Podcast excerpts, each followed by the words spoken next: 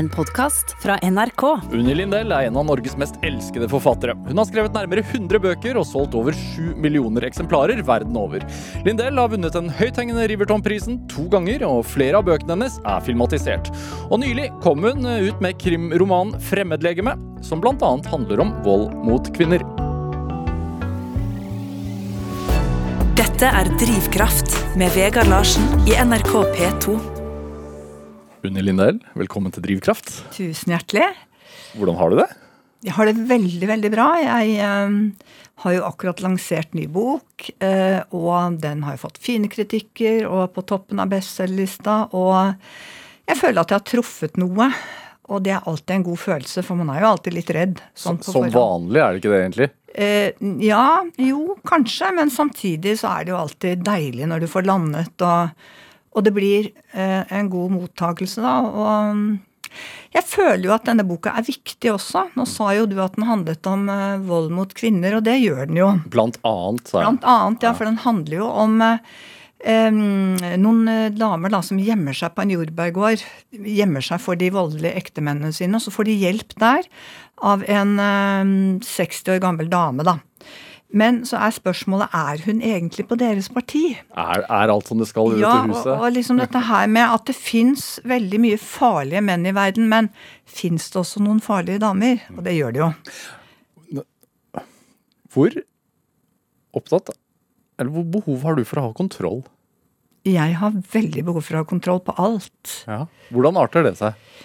Nei, altså det, Jeg vet ikke hva du sikter til, men, men det arter seg jo ved at jeg Skal jeg svare på det? Ja, Nei, det, men altså Nå har vi jo hatt um, sommerferie uh, på hytta vår i Grimstad med hele familien. Med, med, fire barnebarn og sønner og svigerdøtre. Og det har vært i fem uker. Det har gått i ett. Mm. Og det er klart det er et hareball der nede, altså. Det er ikke, det er jo Det er ikke ordentlig ferie, men ingen er uthvilte, men alle er lykkelige, pleier vi å si. Men der er det jo sånn at jeg flyr jo etter ungene hele tiden og maser og har fått nok mat. Du må ha på deg litt mer tøy. Pass deg for vannet. Mm. Det er så innarbeidet hos meg. Og, og, det er nok litt plagsomt for familien. Jeg tror de syns jeg er litt slitsom. Og jeg har ett eksempel som egentlig er litt morsomt. Altså, jeg vet ikke om jeg syns det er så morsomt, men jeg har en eh, sønn som er flykaptein i Norwegian. Og en gang som han satt i cockpit så, og skulle til å fly, så ringte han meg for å Det var noe vi skulle snakke om. Mm. Og han hadde veldig dårlig tid. Og så hadde han mobilen på høyttaler, og så sier jeg til han Han er 41 år, da. Så sier jeg til han Men du, har du lang underbukse på deg i dag? For det er ganske kaldt. Så ble det veldig stille. Ja, så sånn, ja, mamma, vi tar av her nå, vi. Og så fortalte han meg etterpå at han hadde jo en styrmann ved siden av seg som sendte han et veldig rart blikk, da. Men at han skulle bli pilot, da? Hva syns du om det? Um, nei, du vet, jeg er jo redd for å fly. Veldig redd for å fly. Eh, redd for veldig mange ting. Så um, jeg har bare flydd med han én gang, og det var da han var nyutdannet, da han var 23 år. Oppe i Nord-Norge. Et bitte lite fly, for da, da syns vi måtte liksom være med han på en tur. Støtte opp? Ja, støtte opp. Det var sånn foreldretreff på den skolen, og det var, altså, det var fantastisk, men jeg var jo livredd. Og det var veldig rart å komme inn i det flyet med han, for han, han endret seg. Da ble han liksom pilot og snakket til oss om sikkerhet og, og sånn. Og da vi bare kom opp i lufta, så var det vidunderlig altså å se alle fjellene. Og at han, lille ungen min, liksom styrte det flyet. Ja. Så, men eh, nei, jeg er en katastrofetenker. Mm. Det verste er at jeg alltid får rett. Altså, det skjer jo ting. Hele tiden. Så, så, jeg liksom sier sånn Hvis noen skal til um, Ja. Eh, familien skulle til Orlando, ikke jeg, da, for jeg tør jo ikke å fly så langt. Men uh, da sier jeg 'pass dere for alligatorer'. Og de flirer og sier 'hold opp' og sånn, ikke sant. Men jammen meg, mens de var der, så ble en toåring spist opp av en alligator. For noen år siden. Det var masse om det i pressen. Så jeg får jo alltid rett. Ja. Det er det som er litt skremmende, vet du. Når du er en sånn uh, bekymret person som ser farer overalt, at du faktisk får rett. Jeg går jo på kjøpesenteret, og jeg tenker alltid her kan det bli skyting, hvor skal jeg gjemme meg? Ser utveier, ser nødutganger, ser butikker med benker jeg kan gjemme meg under. Og så skjer det jo her og der, altså. Ja, Tordenvær? Hmm? Torden? Nei, jeg er ikke noe redd torden. Nei. Det er ikke, for det er liksom det er sånn naturgreier, og det er ikke så redd for sånne ting. Men sånn kont kontrollbehov, har du sånn planleggingsbehov også? Veldig. Ja. Hvor detaljert er det? Ja, det ser du jo her. Ja, det, er, nettopp, det, det, er derfor, jeg- det er derfor jeg spør. For Ja. jeg ser noen sånne lister, og du, er litt lister før vi og sånn. skulle inn her, så spurte Altså- du meg Jeg vet at du, jeg skal, vi skal spille av noe musikk. Ja. Når, akkurat når i sendingen Ja. skal vi gjøre det? Og du er sikkert ikke vant til sånne spørsmål. Kan du si et ord så jeg skjønner at vi skal komme inn på at nå skal vi spille musikk? Du, altså, det er et Ja. behov for Men jeg, det man kan si, er at jeg alltid er godt forberedt da, til ting. Så jeg prøver å være seriøs og proff. Og gjøre alle ting ordentlig. Så, så det er positivt, men det er klart alt dette maset om lange underbukser og nok mat og drikke og sånn til familien hele tiden. Mm. Også til mannen min holder jeg på sånn. Han blir jo gal. Så, så det er men, Hva spør du han om? Har du spist i dag, da? Eh, Nei, men altså, hvis han skal noe sted, så Jeg må jo spørre om han har med seg alt, og så, så egentlig så er det nok best at jeg er litt alene, og det er jeg jo av og til. Jeg har jo mye alenetid til skriving og sånn. Men er det egentlig kjærlighet i det, er det ikke det? Når du, Jo, selvfølgelig er det det. Ja. Jeg vil jo at alle skal ha det bra, at ingen skal være tørste, fryse, være sultne. Ja, alt skal gå bra, og de må passe seg for farer ute i verden, ikke sant. Så jeg har jo hatt noen sånne runder med disse barnebarna om eh, fremmede menn i biler og sånn, ikke sant. Jeg hadde en litt morsom med han seksåringen, da, og jeg sa det at eh, at nå begynner du på skolen, så nå må du være veldig klar over det at du må, du må ikke bli med noen fremmede i biler og sånn, og kanskje de lokker med godteri, og det må du, så du må være veldig obs på det. Og så sa han, men Nunne, det er greit, da har jeg en plan. Da løper jeg frem, tar godteriet, og så stikker jeg. så det funker jo ikke alltid bra, da. Tror du det kan skape engstelse også? Ha en slurk cola. Ja. Det har ikke bitt på min familie. Nei. Men jeg hadde en mor som var sånn, og det bet jo da tydeligvis på meg. ja, for hun var sånn med deg? Ja, Og både mine søstre og jeg er sånn. Så, men, men det biter ikke på de. De er helt, de hører ikke på hva jeg sier, omtrent. Nei. Går ikke inn. Men har, planlegger du dagen din også? Fullt? Eh, nei, ikke sånn når jeg skal skrive. Da skriver jeg jo bare. Men jeg vet jo hva jeg skal gjøre, og jeg prøver å planlegge, og, men jeg slapper også mye av. For jeg er jo en person som er litt mot trening og tur og sånne ting. ikke sant? Så, så jeg mener jo at å hvile og slappe av er veldig undervurdert. altså. Du deltar ikke i trening og tur, men du er altså mot det. Jeg er faktisk mot det. Så, og jeg har jo eh, Hvorfor det? eh, Fordi at jeg føler at det er altfor mye i det i Norge. Det er, vi er ganske gærne i Norge, altså. På dette her med turmentaliteten her er jo helt syk. Og vi ser det ikke, men, men jeg har jo masse venner i Sverige og i andre land, og de, de syns det er rart. Alltid på tur. Mat, vonde matpakker. Eh, Det er liksom ikke mulig å sitte på en kafé og slappe av i Norge i helgene og sånn. Du må på tur. Og jeg har masse dårlige minner fra jeg var liten hvor eh, jeg måtte på tur. da, På ski om vinteren. Jeg frøys på beina. Jeg bare hatet det. Ja. Et evig mas. Så mm, da jeg var 30 år, så brant jeg opp skiene mine. Det var treski. Nei, det var treski. Sånne, vet du, med trefargene med blått på. Heter Landsem, eller jeg husker ikke. Men, men det ble sånn giftig gass da jeg brant dem, da. Men uansett Hvor brant du dem? Nei, jeg brant de ute i hagen. Men uansett så føler jeg det at det er så, vi er veldig hjernevasket her. Det at liksom du er ikke en ålreit person hvis ikke du må på tur. Nei. Går tur, liker skogen, liker naturen. Jeg er ikke, jeg er ikke glad i natur, og det, det, jeg prøver ikke å være morsom når jeg sier det. Hva liker du aller best, da? Jeg liker veldig godt å sitte hjemme og mm, lese. Og skrive og rydde i skapet og pusle. Da har jeg det så fint. Og særlig hvis det er dårlig vær ute. Hvis det er storm eller regn. Jeg mener, jeg kan tenke deg noe hyggeligere enn det. Når du ikke er ute. så dette her med at eh, man liksom må ut i naturen, og at og så er det en annen ting som jeg vet Nå kommer veldig mange til å hate meg, men jeg har jo sagt det før. At norsk natur er så pen. Det er jo ikke det. Nei, men den er jo ikke det. Jeg mener disse det. Nei, disse grantrærne vi har, er jo, de er jo så stygge. Gå, stå og se på et grantre.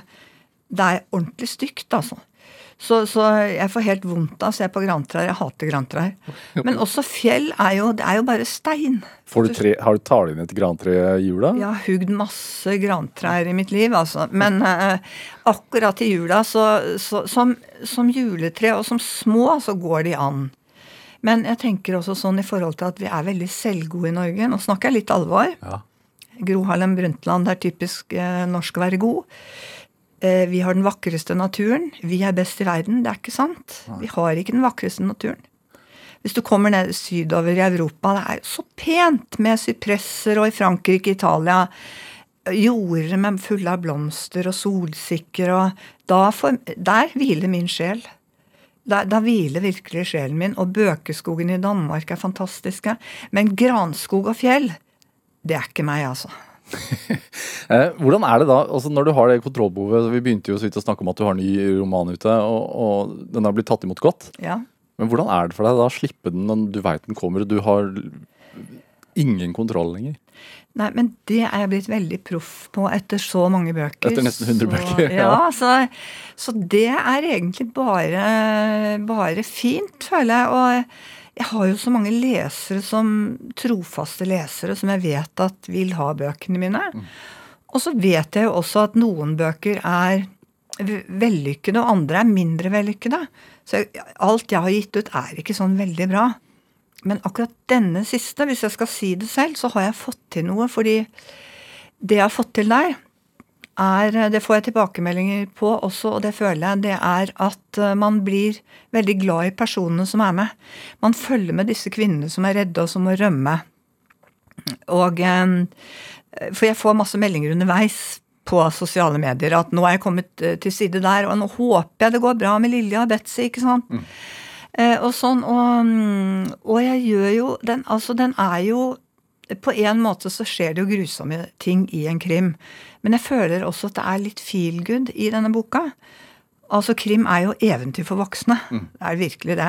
Så, men det at de går inn i det og stoler på eh, personene mine, at de er ekte, da, da syns jeg at jeg har klart noe, egentlig. Så mm, Hva er det som skal til for å lage en karakter som man, føler, får medfølelse for? det? du må jo, det må jo være troverdig.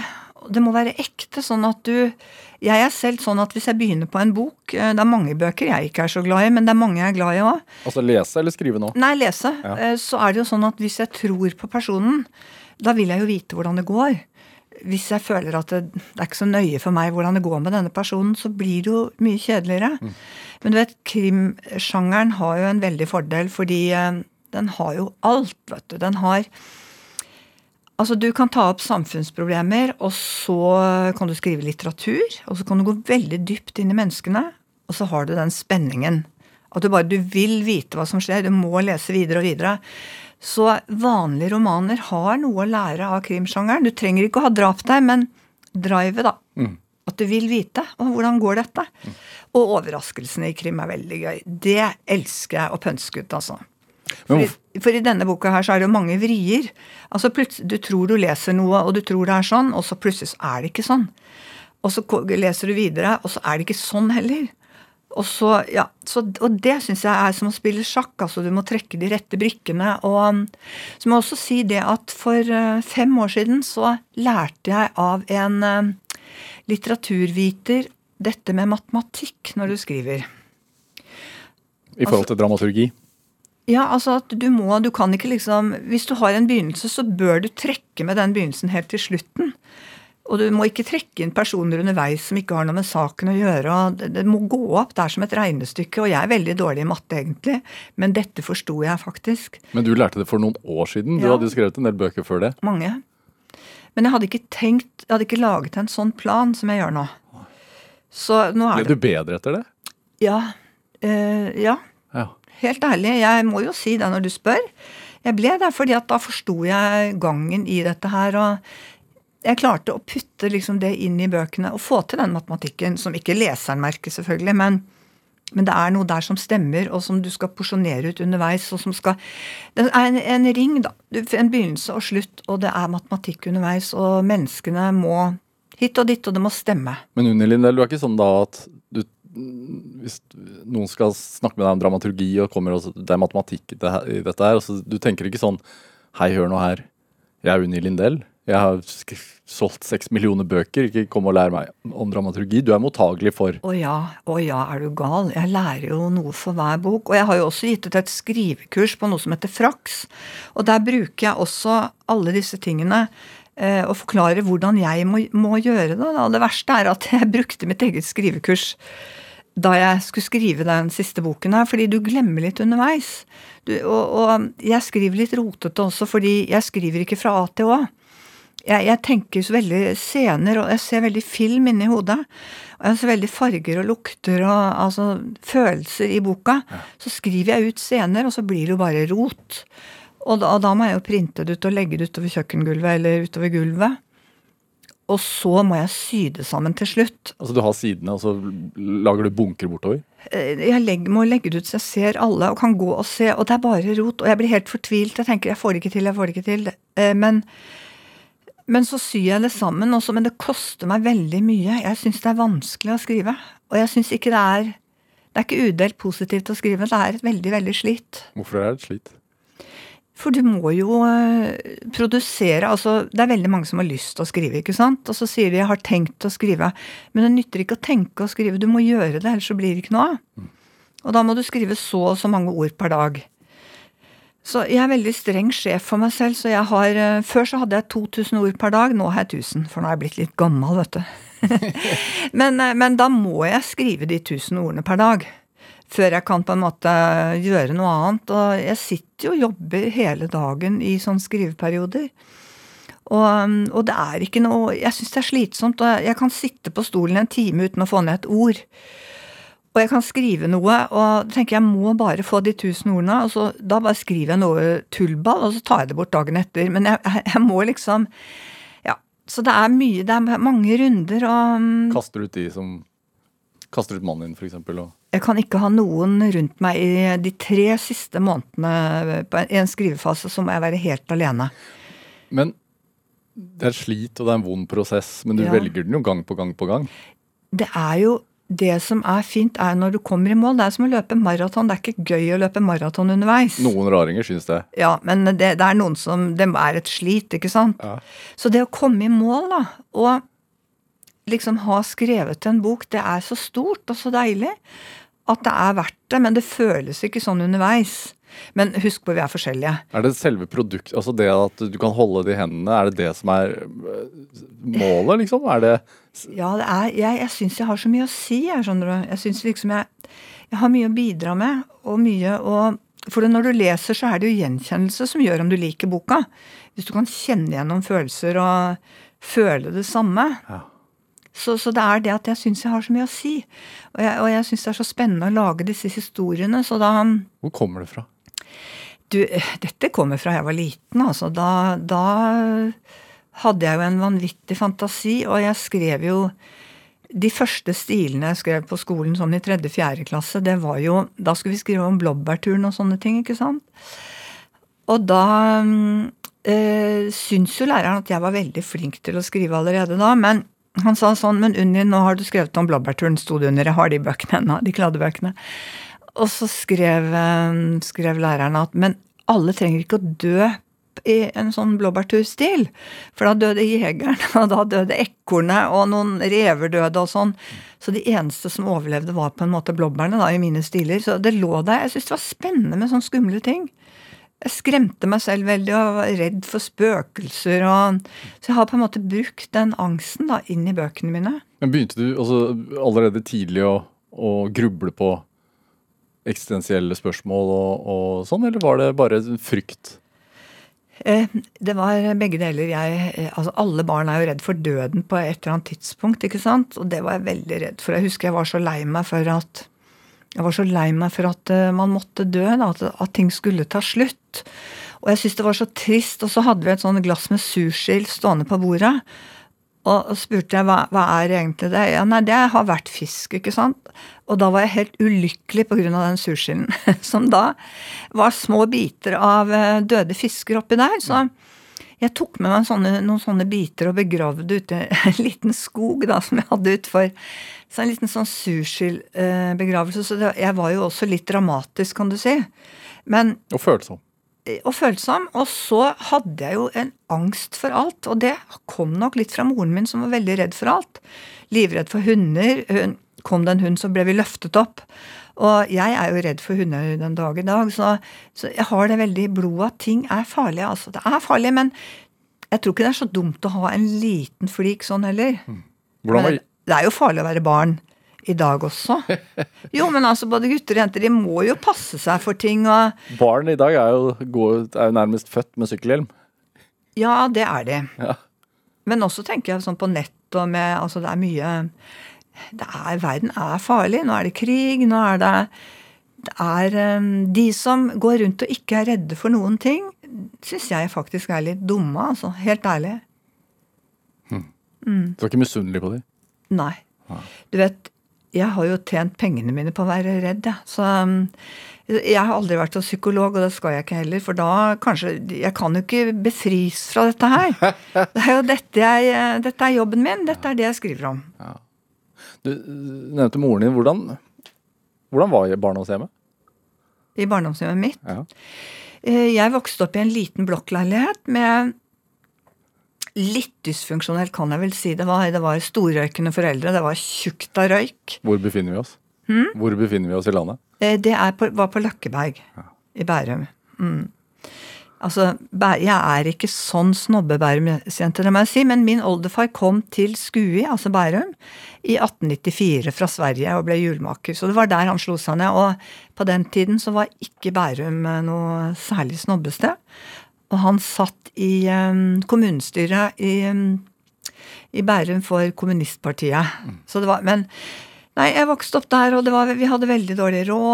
Det var veldig um, ja, Jeg trodde liksom at jeg hadde det veldig fint, men i ettertid så tenker jeg at jeg kanskje ikke hadde det så fint, da.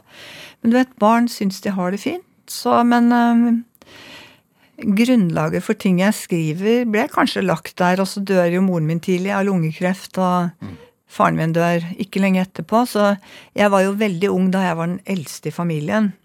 Jeg har en lillesøster, og vi er veldig, veldig gode venner. Så mm, ja. Så, men jeg tenker også det, og så var det jo litt mobbing på skolen. Jeg hadde det ikke så veldig godt på skolen fra fjerde klasse og utover. Hvorfor ble du utsatt, tror du?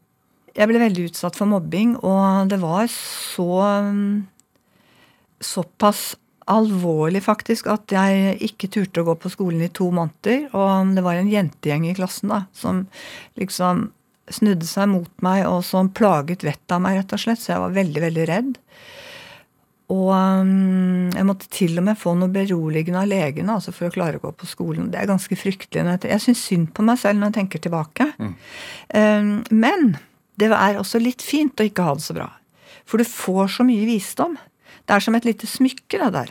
Med litt sorg og, og smerte som du da senere i livet du, du vet hvordan andre har det når de har det vondt.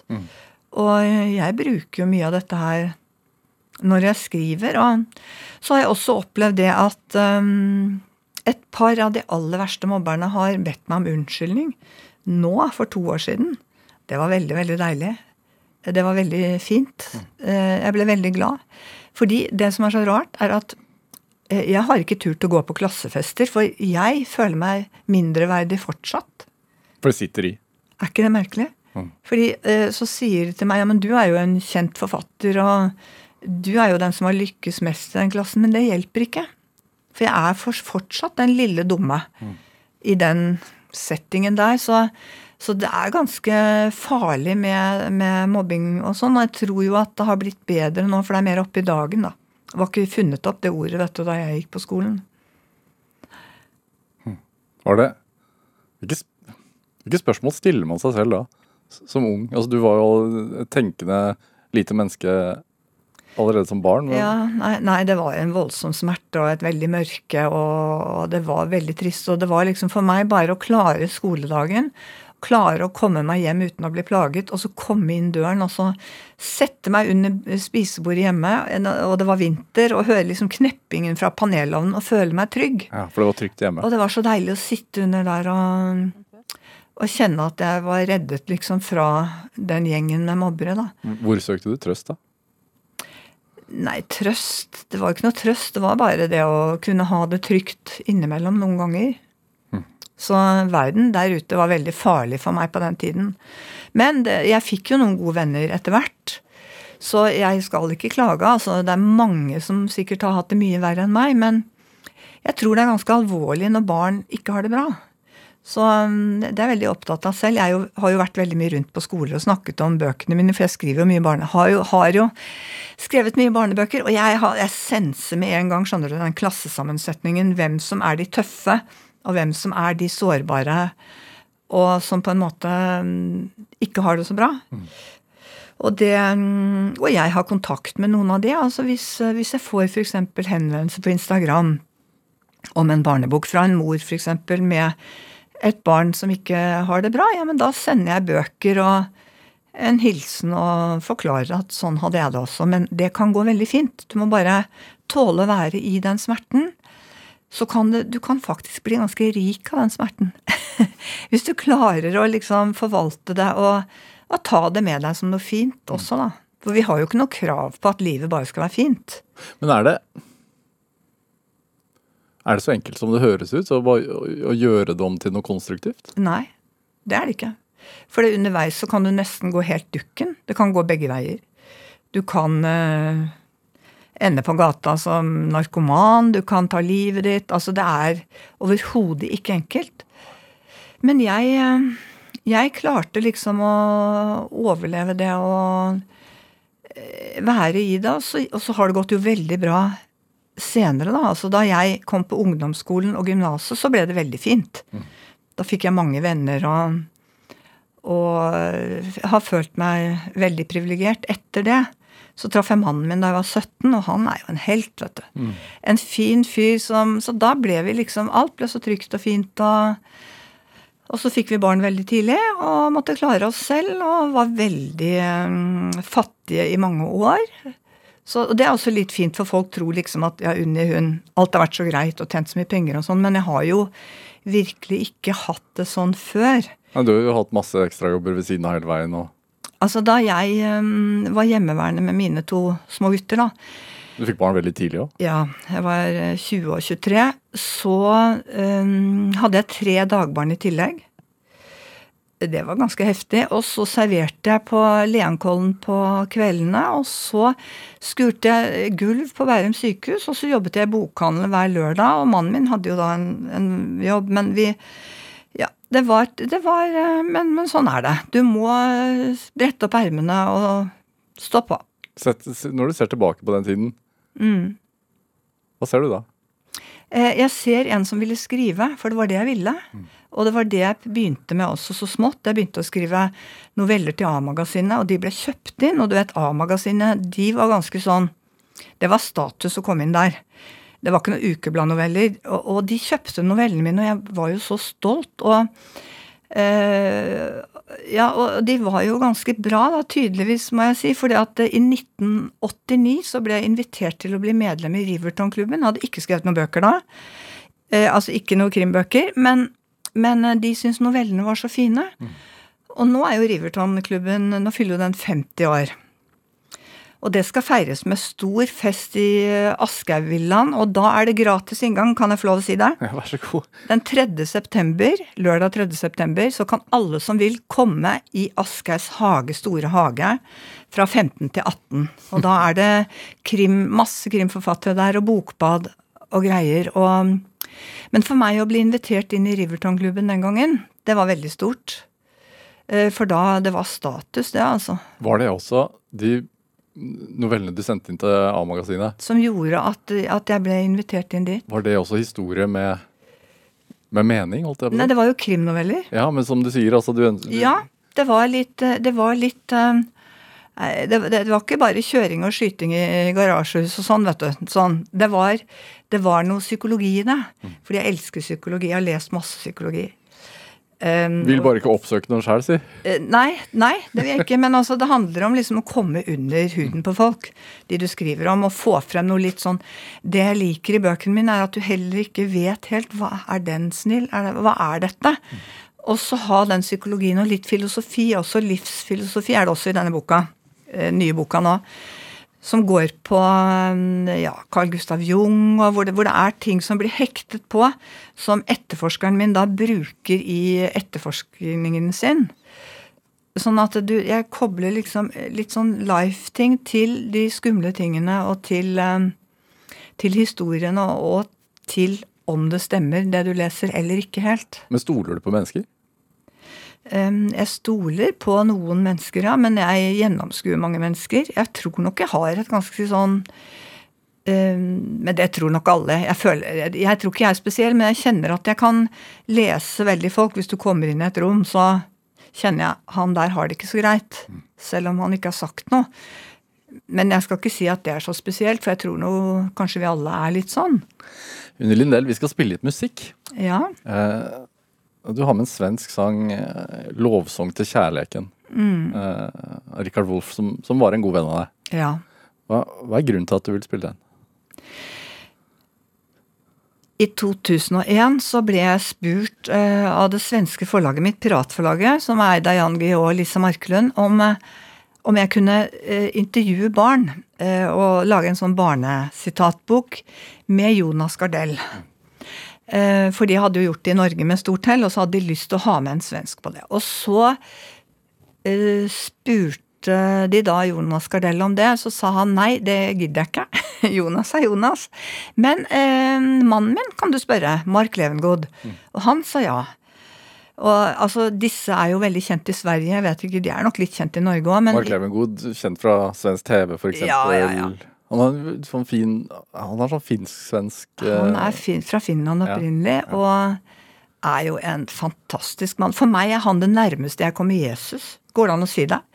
Ja, du har sagt det. Han er så, så fabelaktig fyr, men uansett så var vi rundt på mange skoler både i Sverige og Norge og intervjuet barn om alle mulige temaer. Yndlingssitatet kan jeg ta der. Mm -hmm. um, vi stilte jo litt ledende spørsmål. Barna vet jo hvem Gud er, de vet hvem Jesus er, men Kristus Det er litt, litt vanskeligere spørsmål. Så, så, vi satt da i Mark og jeg på gulvet inne i et klasserom i Sverige og spurte hvem Kristus var. Og det var jo mange forskjellige svar, da, men så var det en liten Maria som sa det at um, det navnet Kristus det er ikke så moderne lenger, det, men jeg vet bare om én som heter det, og det er Kristus Sjøgren. og da måtte vi jo bare løpe ut av klasserommet, ikke sant? for du kan ikke sitte og le der. Men uh, uansett. Så gjennom Mark, da, så, så ble disse bøkene til, og eh, det, det, tok helt av i Sverige. Gamle dame legger ikke egg. Gamle tante legger ikke egg på svensk. Den ble trykket i 10 000 eksemplarer, og så var Mark og jeg på God morgen-TV i Sverige. Så gikk vi ut i Gamla stan etterpå for å ta en kaffe, og folk strømmet mot oss. altså Det var helt utrolig. Så måtte de trykke opp 20 til. Eh, og uka etter 20 til. Og så var jeg i Danmark på en annen bokpromotering. Så ringer sjefen fra Piratforlaget meg og si nå har vi trykket 100 000 bøker. og så, så stoppet ikke der. Den var trykket i én million eksemplarer til slutt, bare i Sverige. Og den lå som nummer én på bestselgerlista i et helt år. Men dette var på 2000-tallet. Men uansett så ble jeg da kjent med Richard Wolff gjennom Mark. Mm. Og Richard er kanskje mest kjent for å ha hatt hovedrollen i 'Englagård', den filmen. Mm. Men han jo, var jo musiker og en helt fabelaktig fyr, og bestevennen til Mark. Og jeg ble introdusert for han, og vi ble veldig gode venner. Og en gang så kom han hit og skulle ha en konsert i Jakobkirken. Da hadde han en forestilling om selvmord. Som var helt uh, fabelaktig. Og den het Chanson Suicide. Han snakket om Edith Piaf. Fordi da Richard var ung, så eh, var det jo ikke så lett å være homofil. Og han eh, hadde mistet kjæresten sin Peter til aids. Det var jo på 80-tallet, dette her. Og han turte ikke å fortelle foreldrene sine at han var homofil, og han følte at livet var slutt. Han skulle bare dra til Paris, til eh, Edith Piaf-museet, fordi han elsket Edith Piaf og sangene hennes og hele, hele, Edith. Og så kommer han inn på museet der og går rundt og, og ser på alt, og så tenker han på hennes liv, som jo var veldig vanskelig. Hun mistet jo både barn og ektefeller og levde på gata og i det hele tatt. Men hun hadde sangen, og hun var livsbejaende. Og hun hun skrev noen helt fantastiske tekster også, så den sangen som eh, jeg da ønsket meg Nå er det jo Edith Piaf som har skrevet teksten til, mm. men så har, eh, så har Richard eh, oversatt den til svensk. Men så må jeg bare si én ting til, hvis jeg rekker det. Etter den konserten i Jakob kirke, så var vi tolv stykker nede i kjelleren der. Det var litt symbolsk, da tolv stykker i kjelleren på en kirke. Da forteller Richard meg at han skal bli pappa. Eh, det her er jo noen år siden. Og, eh, og det var veldig stort. Så eh, jeg hadde sagt til mannen min da jeg skulle på konserten, så skulle jeg komme hjem. Men så gikk vi da på London etterpå. Og jeg glemte å gi beskjed til mannen min, sånn at han ringte halv fem om morgenen og sa men er ikke den konserten i kirken slutt ennå? Ja, men sa han nå er jeg på homseklubb, sier jeg da. Men det som jeg syns er så fryktelig å tenke på, er nå alle de som ble Eller de som ble skutt og drept mm. Her tidligere i sommer. Og um, jeg har jo mange homofile venner og er jo med på disse stedene. Så det ble veldig sterkt for meg. Og um, dessverre så døde jo Richard også i 2017. Men, men det handler om å overleve vanskelige ting. Og um, Derfor så valgte jeg den sangen, litt på grunn av den skytingen, faktisk. Men også på grunn av mitt liv og andres liv, og ja, i det hele tatt det at uh, hele himmelen kan falle ned i hodet på oss, men vi må klare å stå der og overleve det.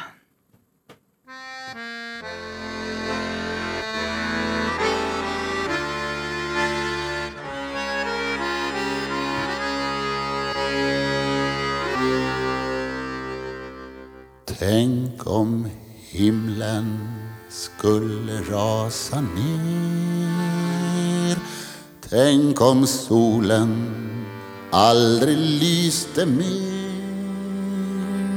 Om det sker kan jag försäkra. Det finns plats för oss ändå. För när värmen fyller våra liv då är oron bara tidsfördriv som ett löfte om försoning i din famn när du är nära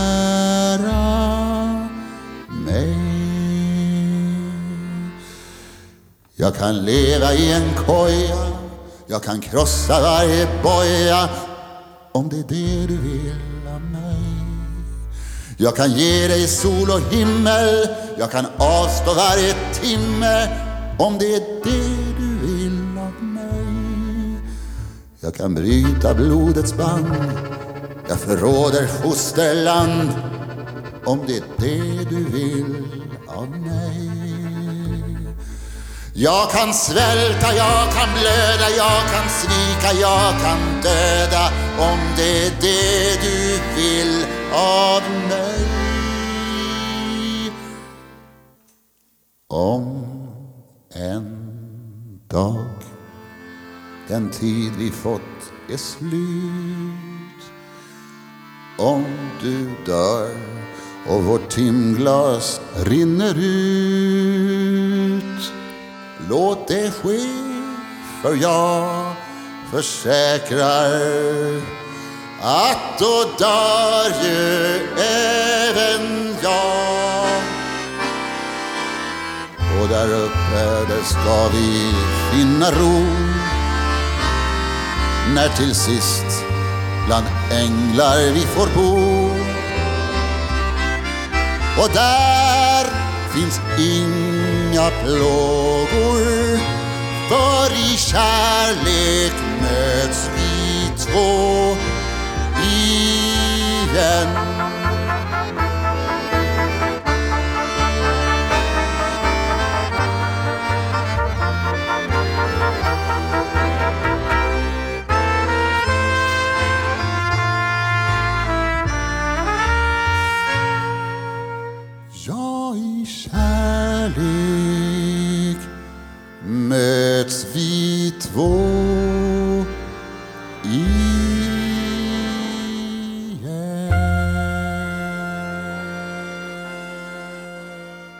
Ja, du fikk eh, lovsang til kjærleiken av Richard Rikard Wolff her i Drivkraft på NRK P2, valgt av dagens gjest her i Drivkraft, nemlig forfatter Unni Lindell. Hva tenker du når vi hører på den? Jeg blir trist. Altså, jeg savner jo Rikard. Jeg blir veldig rørt. Ja. Um, han var så sterk, altså, så fin. Og så dette til Edith Piaf, at du trekker det tilbake dit. Det, vi har jo snakket litt nå om at ting kan være vanskelige, men uh, selv om hele himmelen raser ned, så står vi liksom Så står vi der. Føler du deg som en overlever? Um, hvis jeg tenker tilbake, så ja, egentlig gjør jeg det. Men, men nå skal ikke jeg overdrive dette her. Det er, altså det er så mange som, som, sliter i hverdagen, og kanskje mer enn noensinne. Mm. Og du nevnte det med at jeg er på sosiale medier. og eh, jeg er jo altså jeg er jo litt stor på Instagram, da. Og det jeg prøver å gjøre der, er jo å svare mennesker som som kontakter meg, og det blir litt personlig, faktisk. Så jeg føler at jeg kjenner veldig mange av de. Jeg tar meg litt tid til det. Og um, det, det kommer livshistorier etter livshistorier, og det er ikke det at jeg, at jeg sitter sånn og, og, gjør det hele tiden, for det går jo ikke. Men, men jeg, jeg, føler at kommunikasjonen min med leserne er viktig. Hvorfor er det viktig for deg? Altså sånn hva gir det deg? Det gir meg veldig mye. Eh, jeg får også gode tilbakemeldinger på bøkene mine. Så jeg får masse positiv energi av det. Og så tror jeg også det er viktig, rent salgsmessig. Altså, Det høres litt sånn Det er både litt forretningsmessig, men det er ikke bare det. Det er også det å få den inputen Du vet, før så var de leserne der ute, og du, du traff dem når du var ute og holdt et foredrag eller signerte bøker. Mm. Mens nå, eh, nå, nå, kan jeg få tilbakemeldinger underveis hele tiden på hva de syns, på, og ikke bare det. Det er så mange som har lyst til å prøve å skrive selv. Og da har jeg noen tips ikke sant, til at det ikke er så veldig gøy. At de må Vil du det, så må du ville det.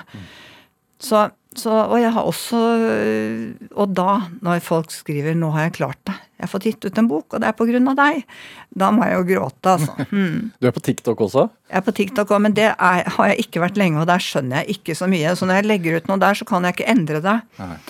Så, mm, så det, det, der er jeg litt mer usikker, men øh, jeg må prøve å lære meg det. Jeg leste en sånn artikkel her om dagen på nrk.no, tror jeg det var, om en ung forfatter som nærmest følte et press fra forlaget om å være på sosiale medier. Er det viktig i dag? Ja, jeg tror det er veldig viktig, men jeg føler ikke det presset, altså.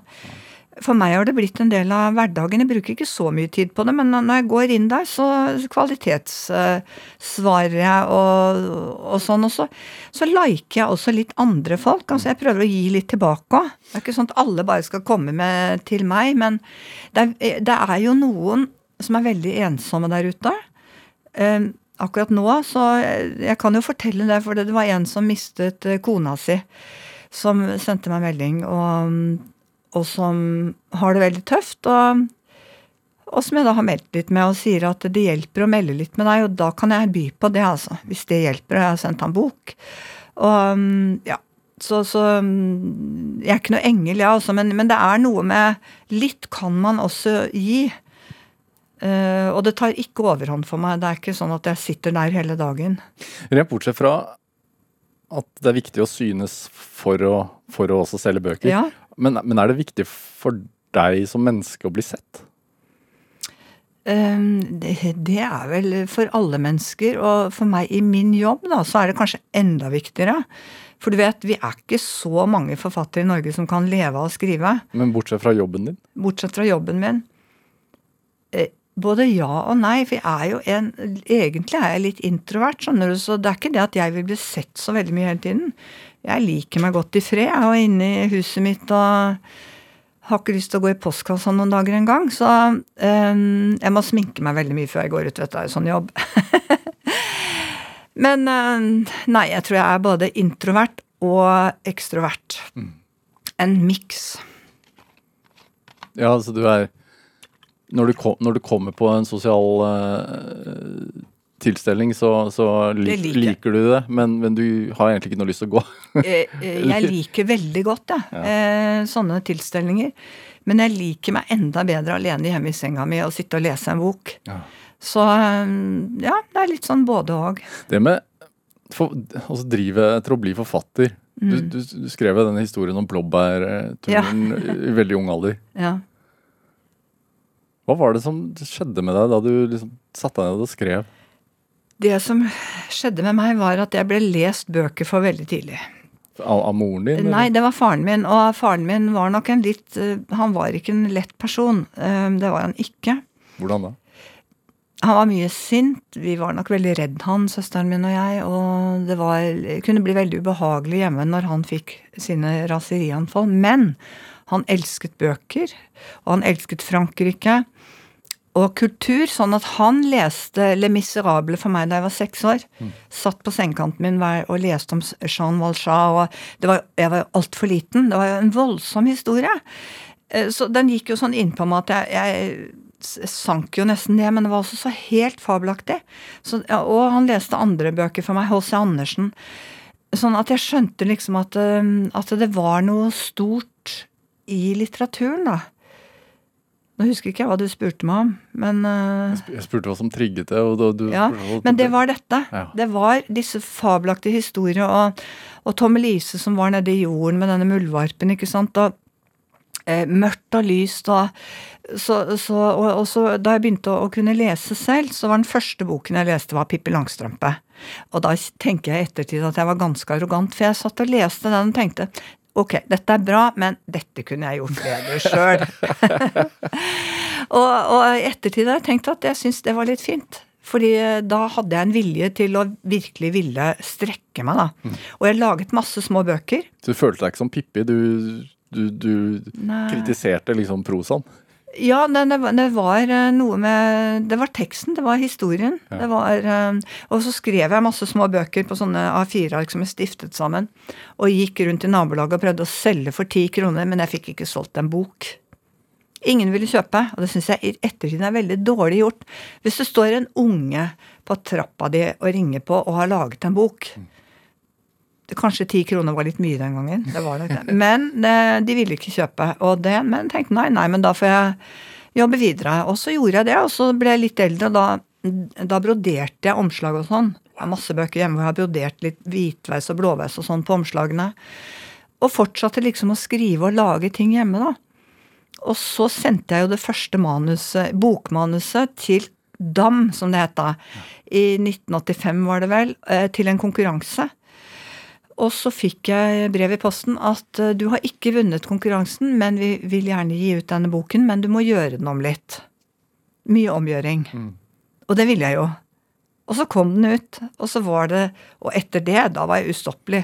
Da tenkte jeg at her skal det skrives og selges, altså. Så Var, var det den grønne dagen? ja, det var den grønne dagen. Og der skrev jeg jo om en, eh, en jente som mistet søsteren sin i kreft, for da hadde jeg jo mistet moren min i kreft, og jeg, jeg kunne jo hele den sorghistorien, da, så så, men etter det så tenkte jeg nå blir det ikke kvitt meg. altså Her skal det skrives. Og så tenkte jeg kanskje jeg kan slå ordentlig gjennom. Men det kan hende jeg må skrive 10-20 bøker først. Og det måtte jeg. Ti bøker måtte jeg skrive før jeg slo gjennom. Er det Du må ha ganske god hva skal man si, kondisjon, da. Og, altså, Ikke sånn Eller vilje. Ikke kondisjon på å løpe i skauen, men jeg er nok veldig sta. Og jeg har, eh, tenker også sånn at mirakler kommer ikke av seg selv. Du må ville de miraklene. Du må jobbe for mirakler, og det er jeg villig til. Mm. Og det har jeg egentlig gjort da, og så har det gått veldig fint. er det litt sånn Altså, mange drømmer jo om at det skal skje store ting i livet deres, eller at bare bare, bare jeg får gjort den lille endringen, så vil det, vil det bli bra. Mange tror på lottogevinster også. Ja. Eh, Jeg tror nok ikke du skal satse på lotto eh, hvis du vil noe i livet. Eh, Du må jobbe veldig hardt, og du må ha viljestyrke, og du må Ja, du må stå på, og du må aldri gi deg, men alle må jo heller ikke få til noe stort i livet. Altså, det å leve et vanlig liv og kunne det er jo så mye psykiske problemer og mørke og sånn, og, og folk ser sånn på andre, og de er for tjukke, og de er for tynne. Altså, jeg syns det er veldig trist at vi ikke kan klare å nyte at vi faktisk har det fint. Da. Du kan sette deg rolig inni med en kopp kaffe. Det er ikke bomber her, det er ikke krig her. Eh, Så det å nyte de små tingene Det er jo noe med det store i det lille og det lille i det store også. Så um, Hvorfor er det så vanskelig, tror du? Jeg tror der har det sosiale medier igjen, som kanskje ikke er så bra. Med det at alle viser seg frem, mange viser seg frem, og det er så vellykket og sånn, og det gjør jeg òg. Jeg viser jo frem fine bilder, og jeg skriver jo ikke eh, Hvis jeg har en dårlig dag, så tar jeg jo ikke og sender et bilde av meg usminka og helt sånn. Jeg gjør ikke det. Så, så det er, Men man må gjennomskue det litt, at bak alle disse fine bildene så er det vanlig liv. Og det å ha det litt vanskelig er, kan være litt fint, da. Du har jo skrevet om det, da, sånn som i 'Nobody's Baby', eksempel. eh, Ja. Knut, som handler om Knut, da. Katten. Katten i Knut. Knut, Så handler den jo egentlig om deg. Det er den fineste boka jeg har skrevet. Altså, det er en slags selvbiografi. Knut, Nobody's Baby. Fordi jeg hadde jo en katt i 18 år, og mm, han var jo et nightmare av en katt. Jeg måtte jo flytte 100 ganger av han. Og, men jeg tok hensyn til han, ikke sant. Katten styrte livet. Eh, mitt, og også da resten av familien sitt liv.